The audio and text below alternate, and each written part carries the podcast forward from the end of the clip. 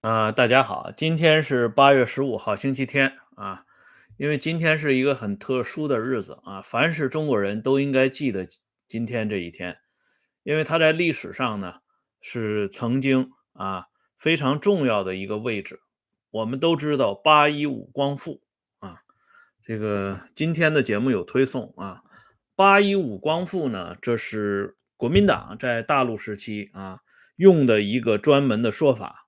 这个说法呢，这个劳动党这边并不承认啊，他们更喜欢用的是九三胜利啊，因为九月二号正是啊日本人签字，然后呢彻底的宣布失败啊，所以呢他把九月三号定为抗日战争胜利的日子，而九月三号这一天呢，也是衡量一大批老革命资格的这么一个分水岭。比如说，你是九月三号以前参加革命的，你可以算抗日干部啊，抗战干部，就是我们经常说的啊三八式干部啊。如果九月三号，哪怕是九月四号这一天，你参加革命，对不起，你只能算解放干部啊。所以，他这个八一五光复呢，是仅仅存在于啊。这个国民党方面的这种宣传的口径，不过这些年呢，由于这个抗日情绪不断的高涨，所以八一五这个日子啊，嗯，中国官方呢对他也没有过多的啊计较，也是在这个默许搞这么一个纪念活动。那既然是抗日战争啊胜利的日子，我们就在这个日子里边呢，跟大家简单的聊一聊两个。在抗日战争作为反面典型的历史人物，一个是汪精卫，一个是周作人。这两个人啊，可以说按照咱们中国人自己经常说的话来讲，这是一个不折不扣的汉奸啊，已经被钉在历史的耻辱柱上。不过呢，这个历史人物啊，实际上。他不应该更多的用政治定性来进行褒贬和谈论，还是应该遵循历史事实啊，有一说一。他有好的一面呢，我们也予以介绍；他有不好的一面呢，我们也予以抨击。但是在这两个人物身上啊，周作人呢，这两年的情况好多了，陆陆续续呢，有很多人开始写周作人的传记呀。包括探讨周作人的思想。今天的节目呢，我给大家准备了这么五本书啊，因为是读书杂记嘛，准备了这五本书。其中这本书呢，就是苏吴写的周作人的是非功过啊，由这个当初胡风集团里的啊反面角色苏吴来写这本周作人的是非功过。我觉得他们两个人可能是心有戚戚焉啊。呃，周作人的传记呢，北京大学的钱理群先生也专门写过啊，我也有收藏，这里我就不给大家展示了。作为文人的周作人呢，目前并不影响大家来研究。可是作为政治人物的汪精卫，即便你是研究汪精卫，恐怕你也不能为汪精卫评功摆好。哪怕是他当年啊奋勇的刺杀清末摄政王载沣这件事情，也要啊与他后边的落水成为成为汉奸做一个简单的对接，否则呢就不能算是客观公公正啊。由于政治上的这顶帽子呢，汪精卫到今天还是完全没有办法这个以正面的形象跟大家见面。但是我们知道，要是谈论民国历史，谈论中国近现代历史，绕不过去的汪精卫是一个重要的角色。就像我们谈论，呃，劳动党的党史，绕不过去的一个历史人物就是林彪一样，啊，所以啊，这对汪精卫这个人究竟如何评价，实际上大家呢一直都属处于众说纷纭的状态。只不过呢，很少有人，或者是极少有人敢于公开，啊，站在一个真正意义上的客观公正的角度来评价汪精卫，因为大家谁也受不了替汉奸张目啊，为汉奸说话这顶大帽子啊，再说呢也犯不上。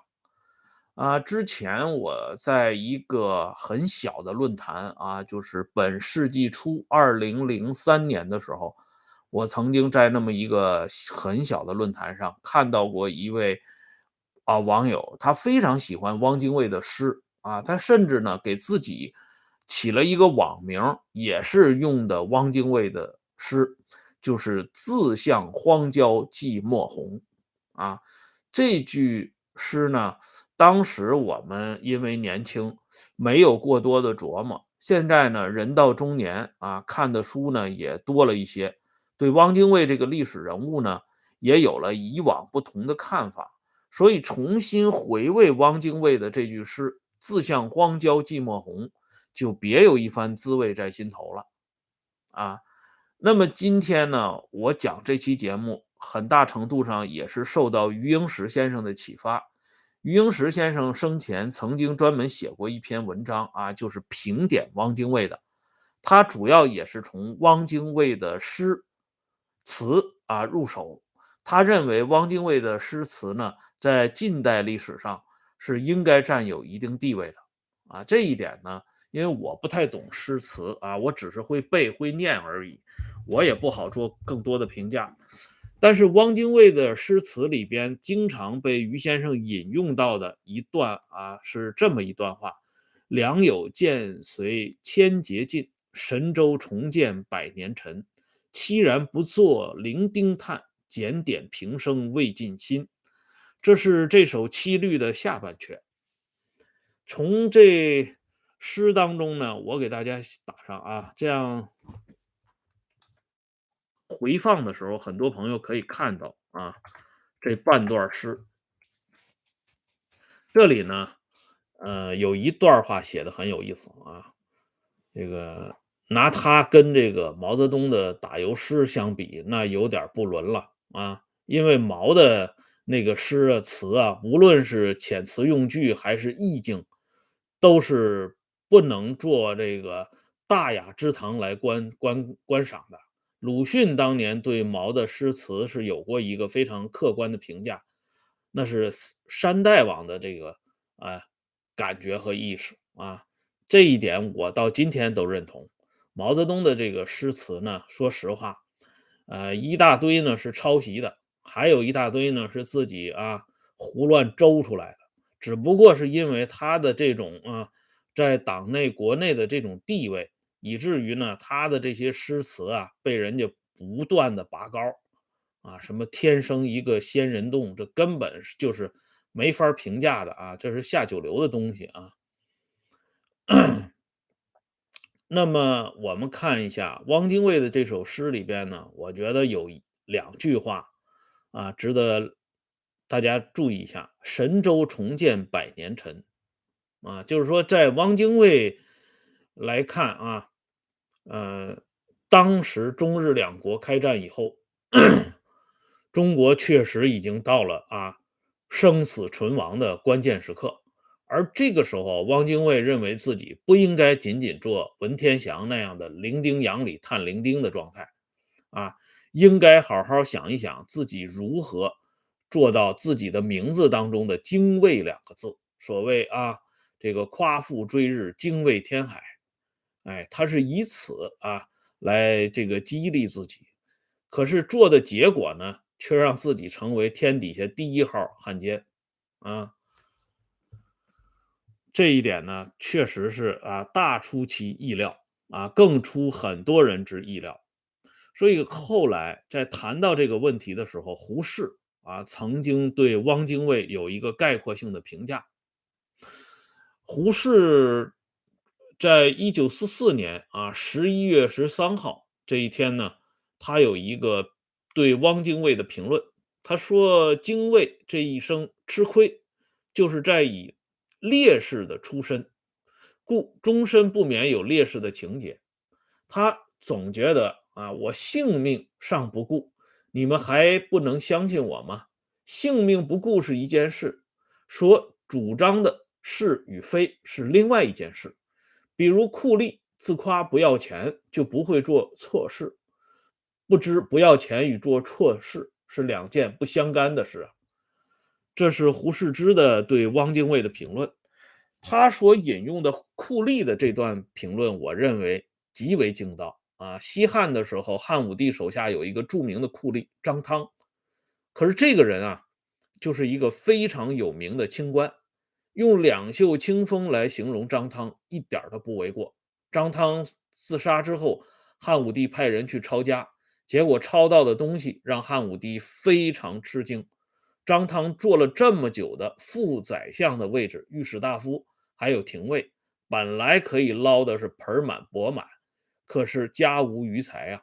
于是呢，汉武帝感动之余，把逼死张汤的人就都给弄死了啊。但是胡适用这个例子了，引用到汪精卫身上，我倒觉得有一定的恰当啊。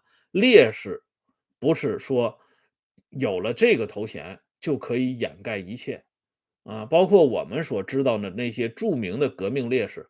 他们做的缺德事儿一点都不比正常人少，有的甚至做的那些缺德事儿，直到今天还影响着人类的进程啊！所以不要以为打着一个烈士的旗号就可以遮掩自己身上的这些丑陋啊！这不是历史应有的态度。就像毛泽东在一九五七年说的那样：“世界上怕就怕认真二字。”所以为什么这个真实的东西、真相啊、真理？在盐碱地得不到伸张，因为大家怕就怕认真嘛。啊，你一旦较起真来，很多人是魂飞魄散的啊，是没有办法继续混下去的。所以胡适认真起来之后呢，啊，汪精卫的一些东西呢，也纷纷啊坠落到地啊，也让我们看到他一些本来的东西。这里边啊，我们说一下胡适自己。实际上，胡适呢，他对抗日战争的这个态度。也是在八一三抗战之后啊，才有所转变。呃，胡适在一九四四年年底在美国的一次演讲里边，他就说过，他说中国在这次战争中的问题很简单，一个在科学和技术上都没有准备好的国家，却必须和一个第一流军事和工业强国进行一场现代式的战争。这个观点实际上跟蒋介石之前的观点也很相似。蒋一直认为，我们迟迟不拿起刀枪跟日本人抗战，全然是因为啊，我们没有做好准备。这样仓促上阵的话，只能便宜了敌人和那些别有用心的阴谋家。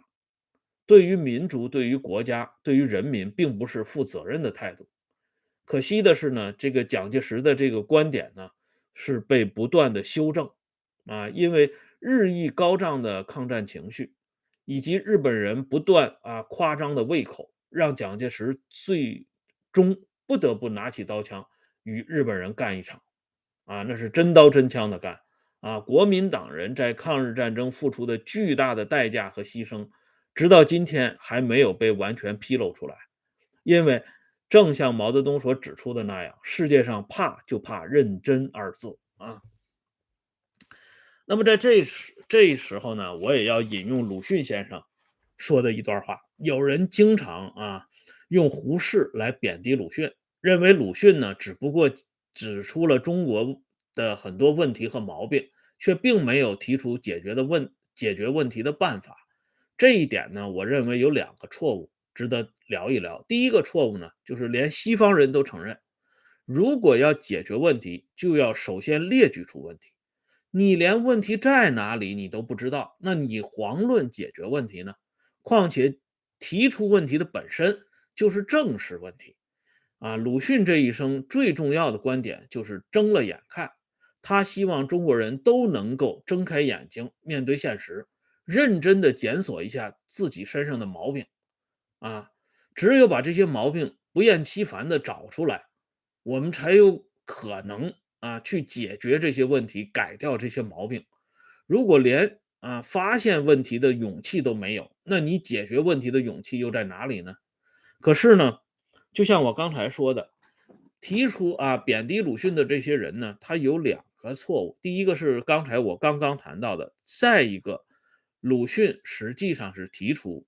解决问题的办法了，那就是一定要改革，一定要改变，不改革不改变是死路一条，啊，走回头路那就是绝路啊。鲁迅呢，在他的文章当中啊，曾经就写过，他在《华盖集》这个与那个的文章里边就说过这样的话，他说：“总之，读史就愈可以觉悟，中国改革之不可缓了。虽是国民性，要改革也得改革，否则。”札史札义上所写的就是前车，就是说，在鲁迅看来呢，其实呢，读的中国历史越多啊，看到现实问题的越多，就越容易产生苦闷、彷徨和绝望啊。在这一点呢，鲁迅自己啊并不讳言，他在《两地书》啊第一集。第二封信和第四封信里边都说过这样的话。第二封信里边他就说：“他说我自己对于苦闷的办法是专与袭来的苦痛捣乱啊。还有呢，就是我常觉得为黑暗与虚无乃是实有，却偏要向这些做绝望的抗战。所以很多的偏激的声音，这是写给这个朋友之间的信。所以这些话呢。”鲁迅说的比他在文章当中说的更直白，啊，他很清楚中国现实的黑暗与虚无，但是他仍然继续要抗争下去，由此产生很多偏激的声音也在所不惜。而即便是这样，即便是有这些黑暗与虚无，他认为中国还是要改，不改没有出路，改呢或许有这个。变化的一天，啊，这是鲁迅给中国前行的道路开出的药方。那么，在中国这个有着很悠久历史的啊，这当然这个历史呢，呃，是有正面的，也有负面的啊，负面的居多。不管怎么样吧，有这么悠久的历史，有这么多人口的国家，面临生死存亡的时候。这些主要的历史人物，他们内心都不是平静的，都是波澜壮阔的。蒋介石、汪精卫都在此列。而汪精卫当时的看法呢，跟胡适是一样的。所以那个时候，低调俱乐部也有胡适一个人。而且汪精卫比胡适还有更多的考虑，就是因为他跟啊布尔什维克打交道很多。啊，他一直呢认为，如果抗日战争打下去的结果，无非是让布尔什维克占了便宜。这个观点，胡适其实也是坚持的。因此，毛泽东和周恩来平生最不原谅的就是胡适。毛呢，还曾经对胡适做过一点术道啊。中国人讲直道和术道，毛甚至说过这样的话：到了二十世纪末。二十一世纪的时候，可以给胡适平反了，而周恩来始终认为胡适这个人，直到最后还是作为美帝国主义爪牙存在的啊。周恩来一直是最恨胡适的。那么他们为什么这么恨胡适？其实也是因为胡适不愿意跟他们上一条船，有最最直接的关系。而胡适应该也是这么认为的。抗日战争进行下去之后。只会让有的人占了无尽的便宜。那么，作为曾经啊参与党的第一次全国代表大会、参与建党的这个周佛海，他的观点就更直接了。在周佛海日记一九三七年十月六号这一天，记载了这么一句话：啊，咸以如此打下去，非为中国打，实为俄打；非为国民党打，实为共产党打也。啊，这是周佛海日记啊当中的记载，我可以给大家呀 发到这这里啊，便于大家呢去查证。周佛海日记是在国内公开出版的啊，有两个版本，两个版本里边都记载了周佛海的这段话。哎，汪精卫的意思就更清楚，如果抗日战争真的打起来，那布尔什维克肯定要做大。而且他们极有可能内外勾连，啊，让中国呢陷入汪精卫所说的“神州又见百年沉”啊。当然，这些东西呢，我倒认为不是说汪精卫、周佛海这些人落水可以变白的地方，因为在汪精卫和周佛海投靠日本人之后，他们仍然没有断了与布尔什维克勾勾搭搭。这一点啊，通过关路啊、潘汉年呢这些人的传记里边，我们都可以看到。啊，国民党的这个呃南京政府，就是汪精卫的南京政府搞清乡，却专门躲开新四军。李士群公然与潘汉年在一起谈判，而李士群的魏王人和儿子却受到周恩来的关照。正如毛泽东所说。从来就没有无缘无故的爱，也从来就没有无缘无故的恨。后来潘汉年之所以完蛋，啊，也与这个与汪精卫见面有一定的关联。这里边到底是因为潘汉年没有请示汇报，还是杀人灭口，这就另当别论了啊。那么两方面应该说都不太光明，勾勾搭搭，哎。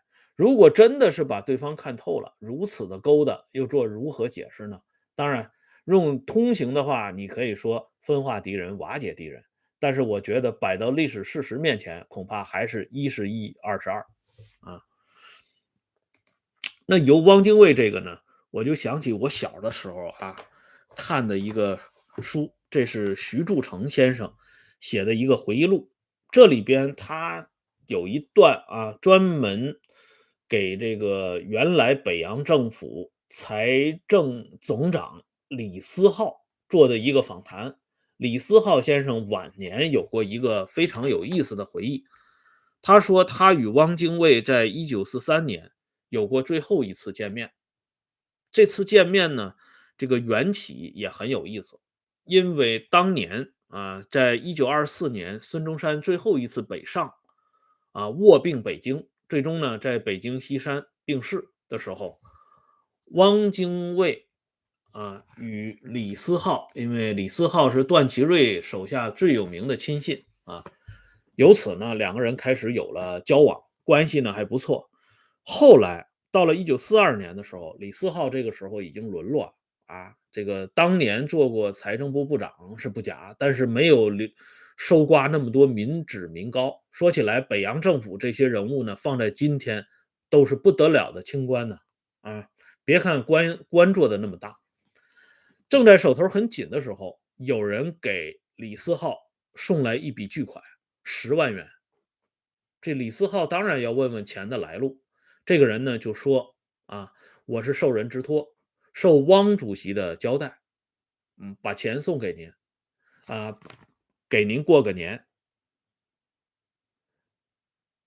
这样的话，李思浩就接受了，因为他跟汪精卫确实是关系颇颇深。接下来这一年呢，汪精卫专门请李思李思浩啊到家里做客吃饭。李思浩去的很早，关起门来，只有汪精卫和李思浩两个人聊天汪精卫说的那番话呢，我到今天还记得啊。这本书里写的很详细啊。汪精卫几乎流着眼泪说：“赞侯先生，我是陷下去了，你看怎么好？”李思浩的回答是：“事到如今，除了挺下去，还有什么办法？”这是李思浩公开回忆的东西。那么他没有公开回忆的，我相信还有很多，恐怕呢也是装到老先生的肚子里就带走了。换句话说呢，到了这个时候，一九四三年的时候。啊，日本人的败局呢已经定了，而汪精卫自己也看到自己奋不顾身搞的这场所谓的精卫填海，最终也是以不折不扣的失败告终。他本人的盖棺论定不用猜也能想到，所以他才会用几乎流着眼泪的这种方式对老朋友李思浩说了这么一番心里话。这是汪精卫的悲剧啊，哎。而当时呢，实际上与汪精卫呃有很多呃相似的地方的人还是大有人在。比如说陈寅恪先生啊，这个七月十八号，一九三七年七月十八号，啊，他与老朋友散步的时候，陈寅恪就说过这样的话。陈寅恪说：“中国人下愚而上诈啊，下边很愚昧，上边呢惯于欺诈。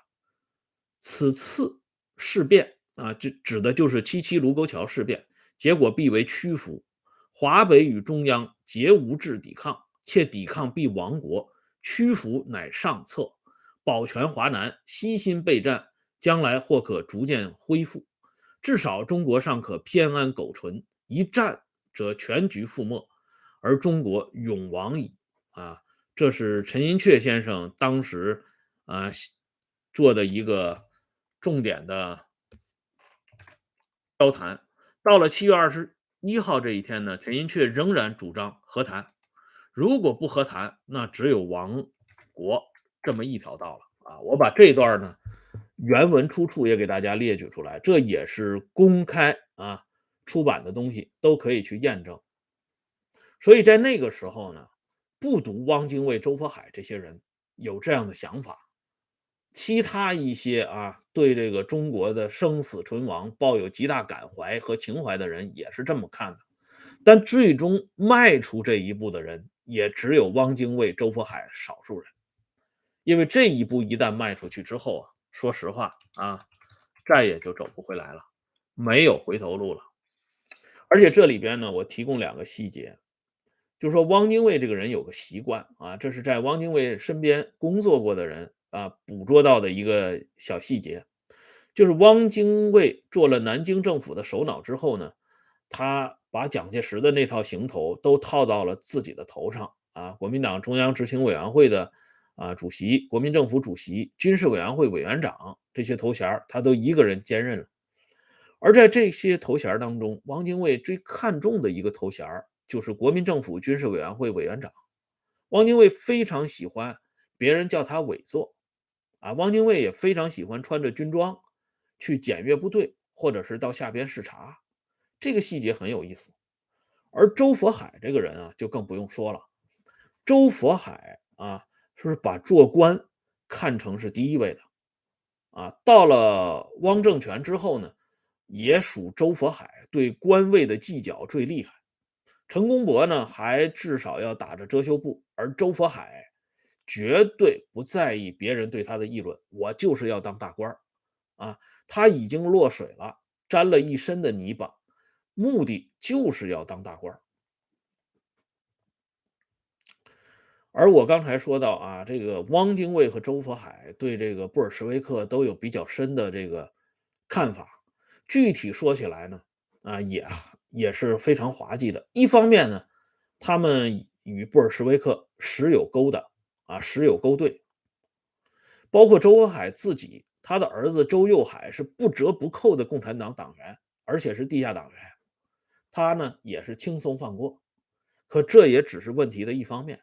另一方面，周佛海却痛恨啊李士群，啊勾结布尔什维克，在挖地沟。所以他宁可去勾结日本人，把李士群置于死地。所以一个历史人物啊，他这种斑驳、色彩斑斓的面目呢，本来就是多重性的，只有从多角度观察，才能够得知一二啊。这是我读这个历史的一点心得，在这里呢，也给大家分享一下。而汪精卫的落马呢，以及他的落水，到今天来讲，已经无可争议了。说到最后呢，还要说到西方人经常说的一段话，就是性格即命运。汪精卫这个人啊，从小就是伏低作小，因为他是在兄长面前长大的，他一直啊要把自己内心最真实的东西隐匿起来，而自己想要的和特别想要的东西都要隐瞒下去。久而久之，他的这种性格对他日后的选择。是起了很大的发酵的作用，包括他的那个老婆陈璧君，我倒认为中国历史上有三个女性是非常值得一谈的，一个江青，一个叶群，再加上这么一个陈璧君，啊，他们对自己的丈夫的锻造，在历史上也是绝无仅有的事儿，啊，所以汪精卫的这种性格，最终导致他做出那样的选择，一点都不奇怪。反过来，我们看蒋介石，蒋介石和鲁迅都是浙江人啊。这个浙江人在历史上，中国是有过计较的。他说浙江人呢，他是有一点硬骨头的，就是打到最后这一点呢，他会有一部分浙江人宁死不屈，哪怕我是打败了，我也要跟你继续干下去。打死了不要紧，无非多了一堆骨头而已。所以人家说这个啊。一部分浙江人啊，不是全体浙江人，就说，相当一部分浙江人是有那么一根硬骨头的。哎，所以你看蒋介石这个选择就是很有意思。他明知道跟日本人要打的话，中国吃的亏是很大的。他也曾经主张过和谈，啊，但最终他还是选择了打，选择了跟英美站到一起，啊，与日本人对抗到底。而汪精卫呢，最终一脚就迈进了泥潭当中。